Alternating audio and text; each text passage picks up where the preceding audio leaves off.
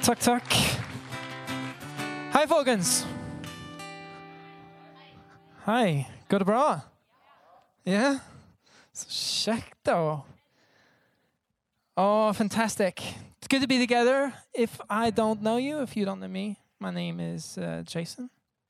My wife and I are the pastors here at Sentrumskirken Stavanger. And uh, if you're new here, so glad that you're here. So glad you took time out of your schedule to be here. It's uh, it's an honor.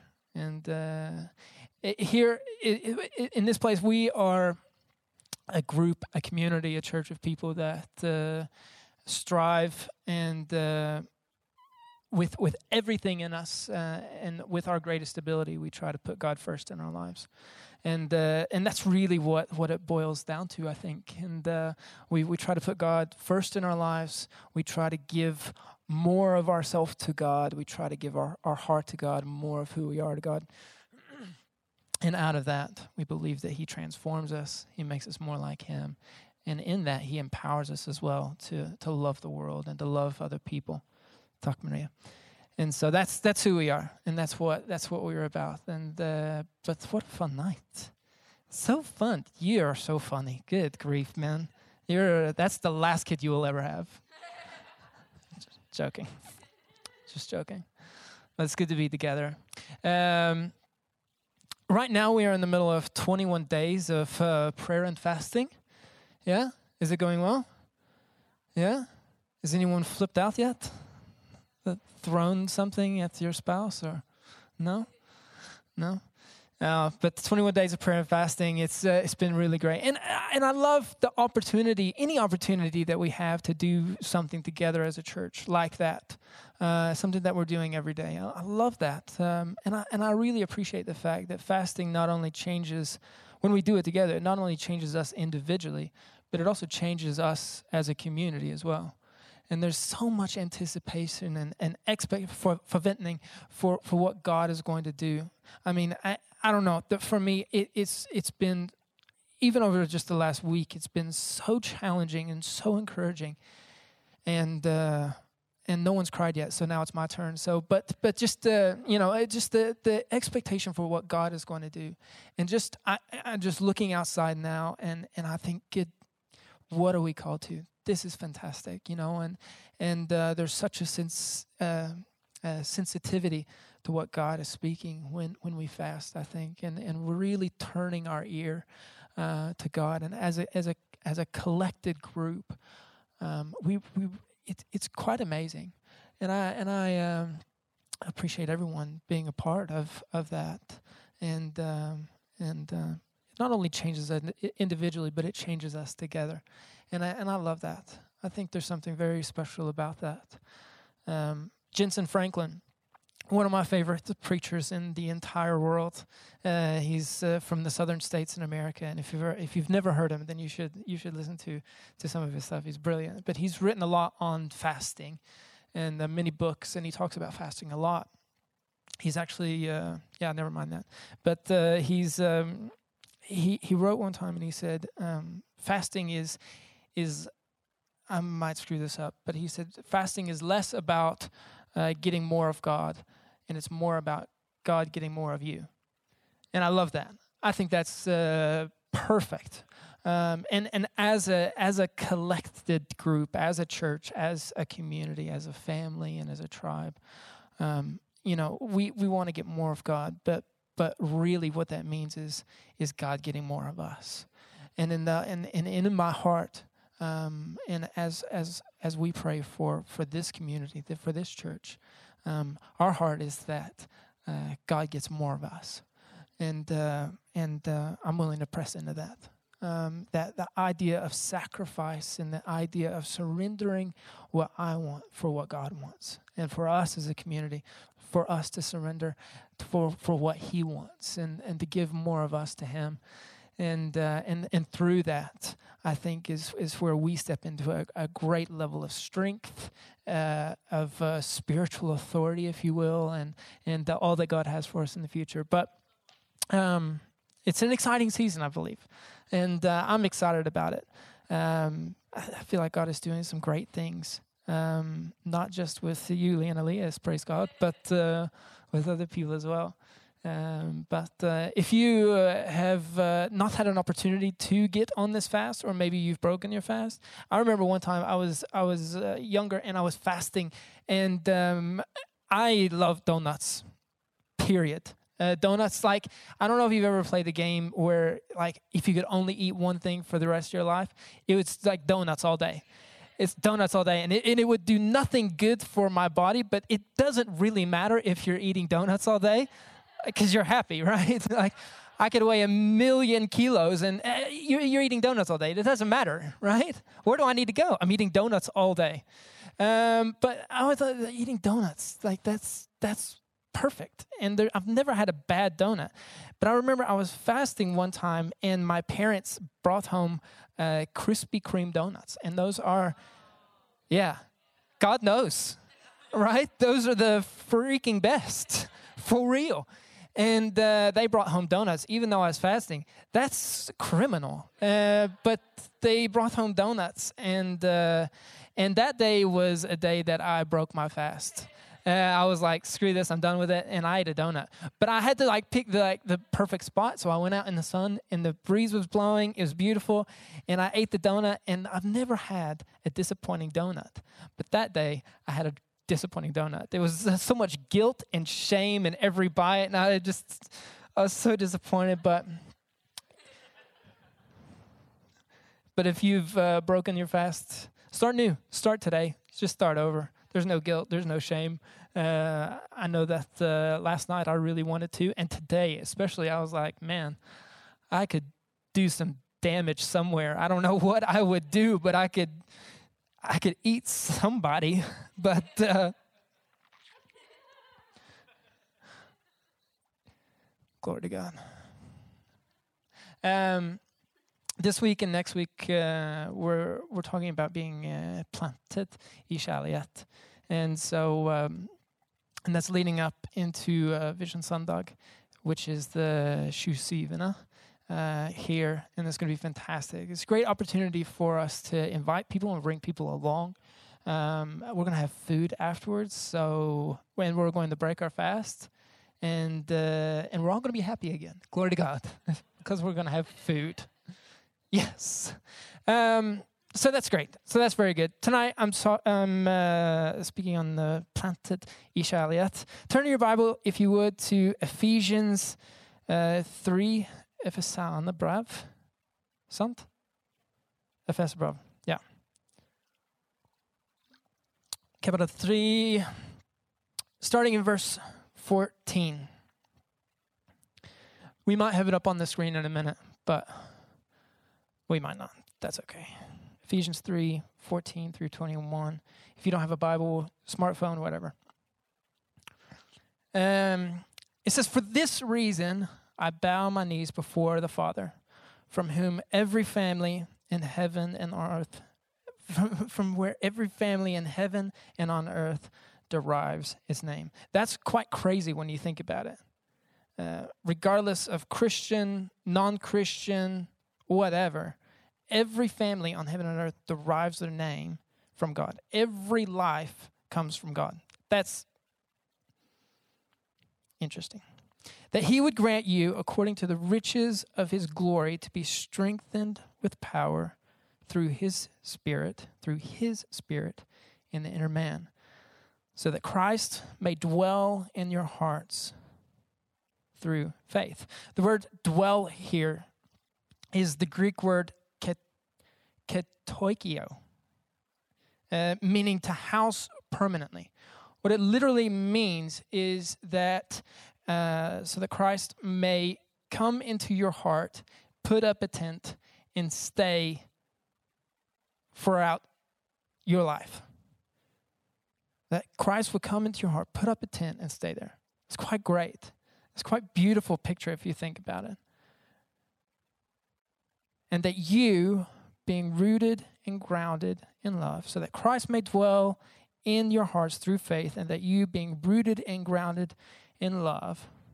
There are four words in the Greek vocabulary that are used in the Bible. The first is phileo, which is kind of a, like a, a brotherly love. It's where the, the city in America, Philadelphia, gets their name. Philadelphia's phileo love is like a, a common love, it's a shared love. It's a love kind of between friends or uh, between maybe close family, but it's a it's a close love, but it's but it's not necessarily committed. It's not husband and wife love, but it's a close love. It, it, the probably the closest uh, Nosk uh, uh, translation would be egglideg. This That's kind of what that means. The next is storge.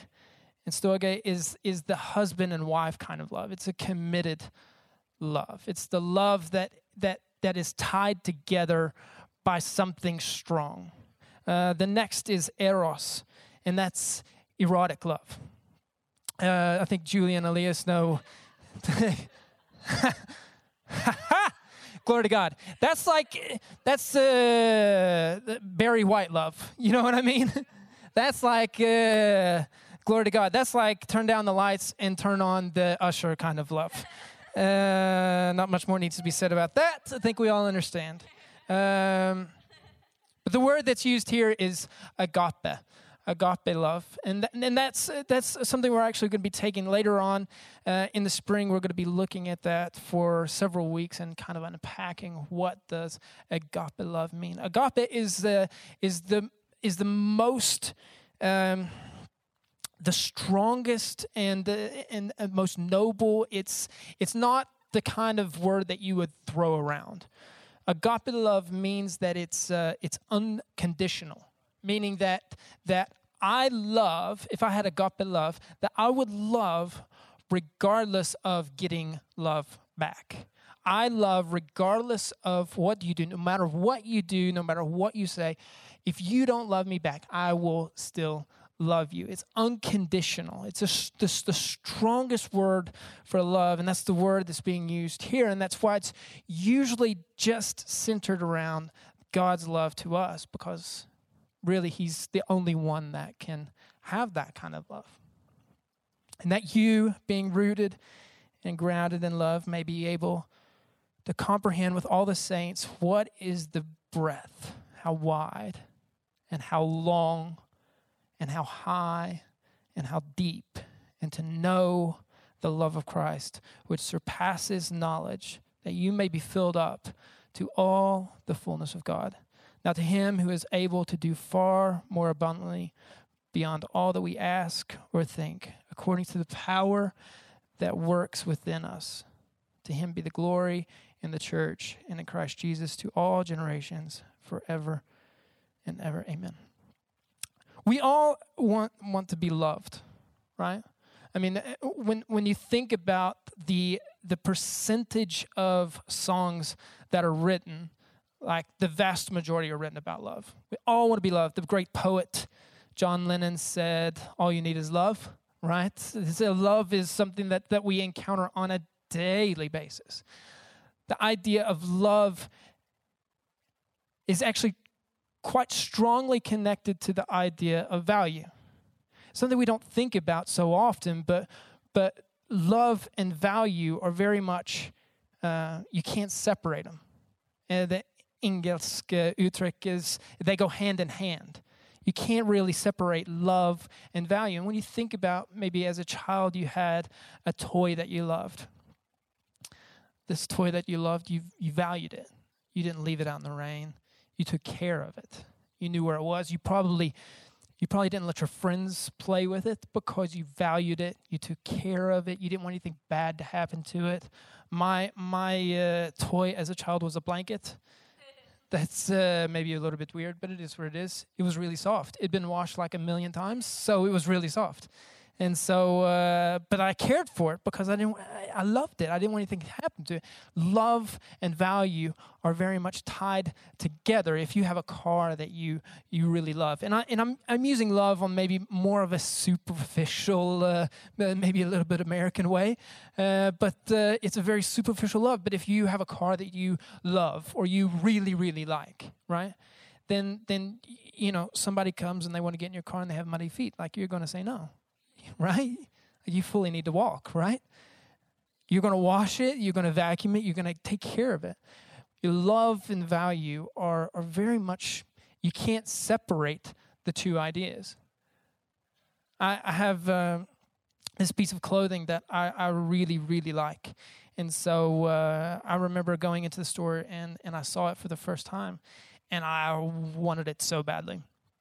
Uh, but it was a bit expensive and I was like, no, nah, it's not, not worth it. And every time I went in that store, I saw it and I was like, oh, I really want that jacket. Right. And uh, I remember one day I went in, it was about four months later, and it was 50% off. Yes, perfect. I bought it. I took it home. But the problem with uh, it's a it's a jacket. The problem with the jacket is it's made of suede, and uh, and anytime suede touches rain, it gets ruined. So it's not really a jacket for uh, Vestland. you know what I mean? And so, uh, so anytime I want to wear the jacket, I have to go outside. I have to look. If there are clouds in the sky, I can't wear the jacket, right? And if there's no clouds in the sky, then you still have to check pent.no and make sure that there's no rain coming in the near future because it'll ruin the jacket. I love, I, I love the jacket, but you know what I mean? Like I, I really like the jacket, so I take care of it. Love and value are very much tied together. Every person is created to be loved. Therefore, every person wants to feel valued. And maybe maybe you would say, no, not every person needs to feel loved. Maybe maybe you're a little bit cynical, and that's okay. Uh, and you would say, no, not not everyone needs to feel loved. But maybe you could then agree, though, that that nobody wants to feel worthless. No one wants to feel worthless. If no one wants to feel worthless, then we have some indication here that love and value are very much tied together. There was a guy I knew grow, growing up, and uh, this guy had no friends at all. Uh, and uh, bless his heart, uh, he had no friends, and and he was he was a bit weird. You know, he his his, he always smelled weird, and it wasn't like he smelled bad. He just smelled weird. Like if you go into some of those uh, international grocery stores, it just smells. He smelled like an international grocery store, maybe, maybe a little bit. Not that that's a bad thing. It's just he smelled different, you know. And um, he didn't play any sports or anything like that, and uh, he just didn't have a lot of friends. And and I was scrolling through Instagram not too long ago, and I saw a picture, and and this guy was in it. And over the last, I don't know, twenty years, the guy has spent some time in the gym, and uh, I saw a picture of this guy, and he was massive. Like he had the biceps, he had the pectoral muscles, his neck was as big as my leg. Like he was huge. And I thought, you know, that's so funny. It's so funny to think that that he didn't have any value or he felt like he didn't have any value growing up because he didn't really have any friends. But now he's worked his way into some value. Within a certain group of people, he's found value there. I think that's very interesting. When we look at finding our value, understanding that we have value. Ephesians 3 17 through 19. And that you, being rooted and grounded in love, that you, being planted i may be able to comprehend with all the saints what is the, how wide, how long, how high, and how deep, and to know the love of Christ, which surpasses knowledge. We can't even comprehend, we can't even begin to understand His love. We can't even begin. We can just open the door just a little bit to see a little bit because it's so big that you may be filled up to all the fullness. The love that God has for us is connected very much to the value that He puts on us, I believe. My worth, my value, your worth, your value, very much connected to the love that God has for us. And whenever we begin to read how, how wide, how deep, how high, how long is the love of God? It's that same value that he puts on us. A.W. Tozer, who was a very great uh, pastor, author, and he was a bit of a theologian as well. He wrote a great book called The Pursuit of the Holy. He said, The most important thing about you is how you view God and how you see yourself in light of that. How you view God and how you view yourself in light of that. How do you understand God's love? How do you understand who He is? How do you understand the greatness of his love? How do you how do you begin to open the door and see the love he has?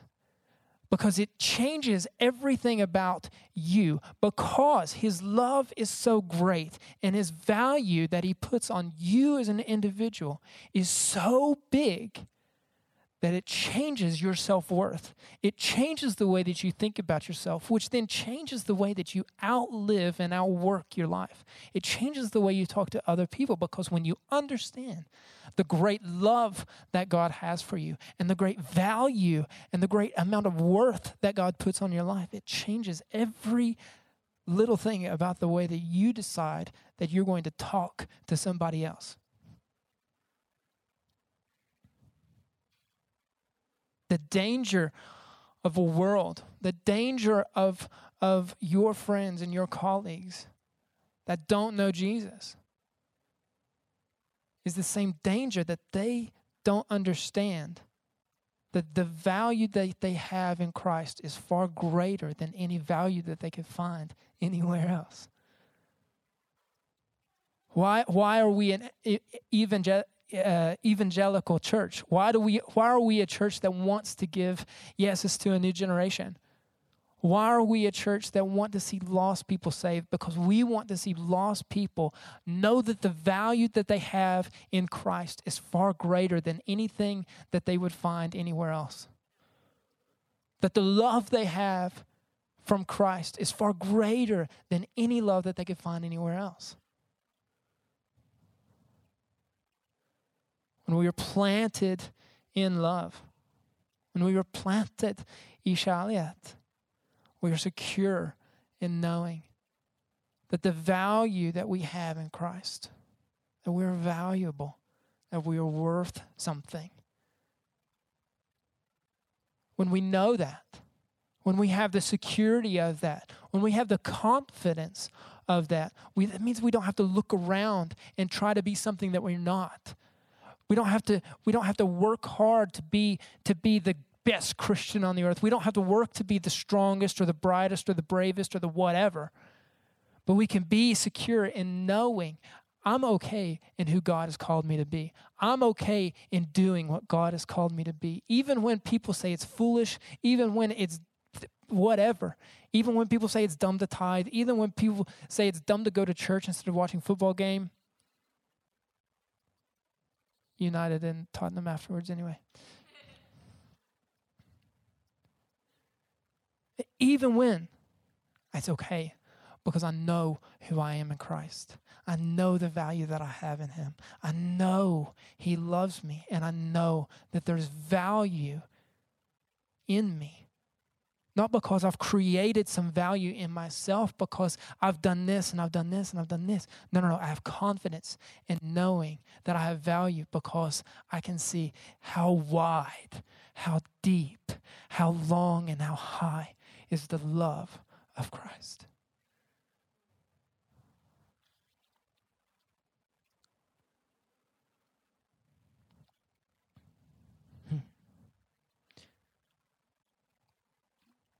Growing up, I didn't have a lot of confidence. Um, the same emotional individual that you see here today is the same emotional person that uh, uh, was uh, younger. And uh, I've never had a problem with crying, and I've never been embarrassed about crying. But when you cry in public in front of your friends, it's not so cool anymore. Uh, it doesn't make a lot of friends. People don't want to be about around the weird guy that cries all the time. Um, never had a lot of confidence. Uh, and it wasn't because like my parents didn't love me or anything like that. Um, and it wasn't because I wasn't good at things. Um, but uh, you know, I was good at some things. Um, but it was probably because I wasn't. To be honest, it probably was because I wasn't best at everything. That I didn't have the confidence that maybe I should have had. But as I've got older, uh, and as I, and that certainly has something to do with it, but as I've gotten older and as I've begun to understand the love that God has for me, my confidence is uh, is secure. Uh, I'm I'm I'm I'm far more comfortable uh, in my own skin now than I have ever been in my life. And I remember a day where I would wake up and I would stress out because I woke up and I and, and I was scared about the day. And, and I had anxiety uh, whenever I went to sleep at night and I had anxiety whenever I woke up. And and and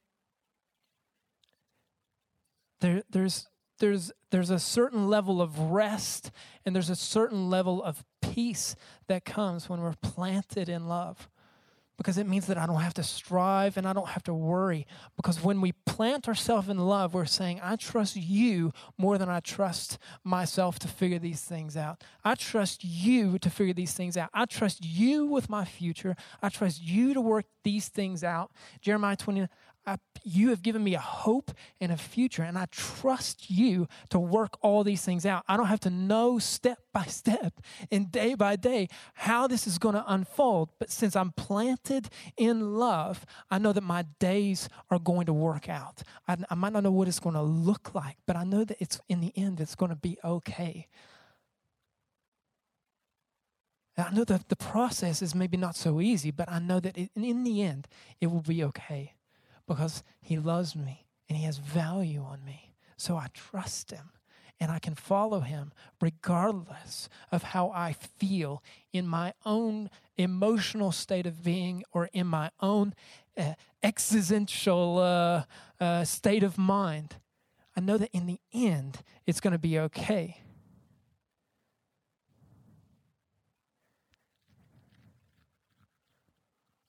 When we aren't tied up finding our value in different things. We can trust God for what He has for us. We can rest assured in knowing that our future is secure, our hope is secure. Everything is going to be all right. Not because we work hard and because we, we make things happen and we're, we're doing the right things here and there. I don't get me wrong. I, I, uh, like I said last week, I don't want to end the year with, with seeds in my hand.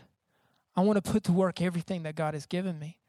And as a church, we should be people that are committed to, to not leaving seeds in our hand, but being committed to putting every seed that He gives us to work, putting it in the ground so that, so that we see life and so that we see growth in every aspect of our life.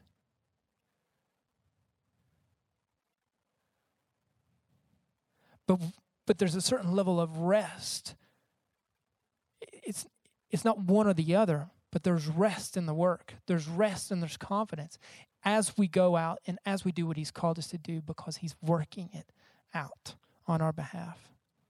We see this, the band can come up. We see this in the story uh, where the disciples are on the boat. Disciples are on the boat, and they're they're scared because the waves have come. Everything's crashing down around them. Everyone's freaking out because the waves and they're going to die, and Jesus is sleeping on the boat. And they go to Jesus and they, What are you doing? Wake up. We need your help. And, and for the first time, the disciples began to understand that the God that gives love that same love brings peace. And for you, I don't know what your life looks like, and I don't know what your situation looks like. I don't know what your day to day looks like. The stress and the anxiety, the, the pushing to make things happen, or not sure of what the future holds.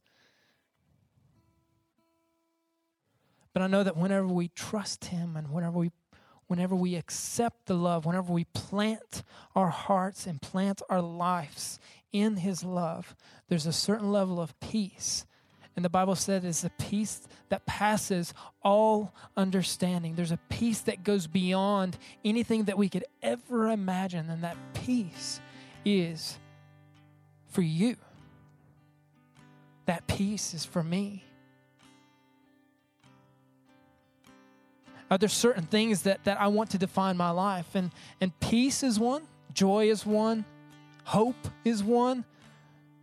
Are there certain things that I do not want to define my life? And that's stress, anxiety, worry, doubt. Hmm. God's, God's love frees us from wondering if we're good enough, if we're strong enough, if we're smart enough, bright enough, brave enough, or whatever enough.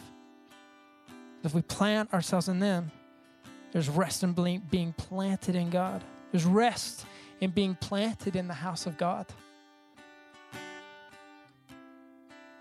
But the reality is, is when we're planted together, we grow together. When we are planted together, one family, one church, we get to experience and see together how deep God's love is for us. We get to experience together how wide His love is, how long His love is.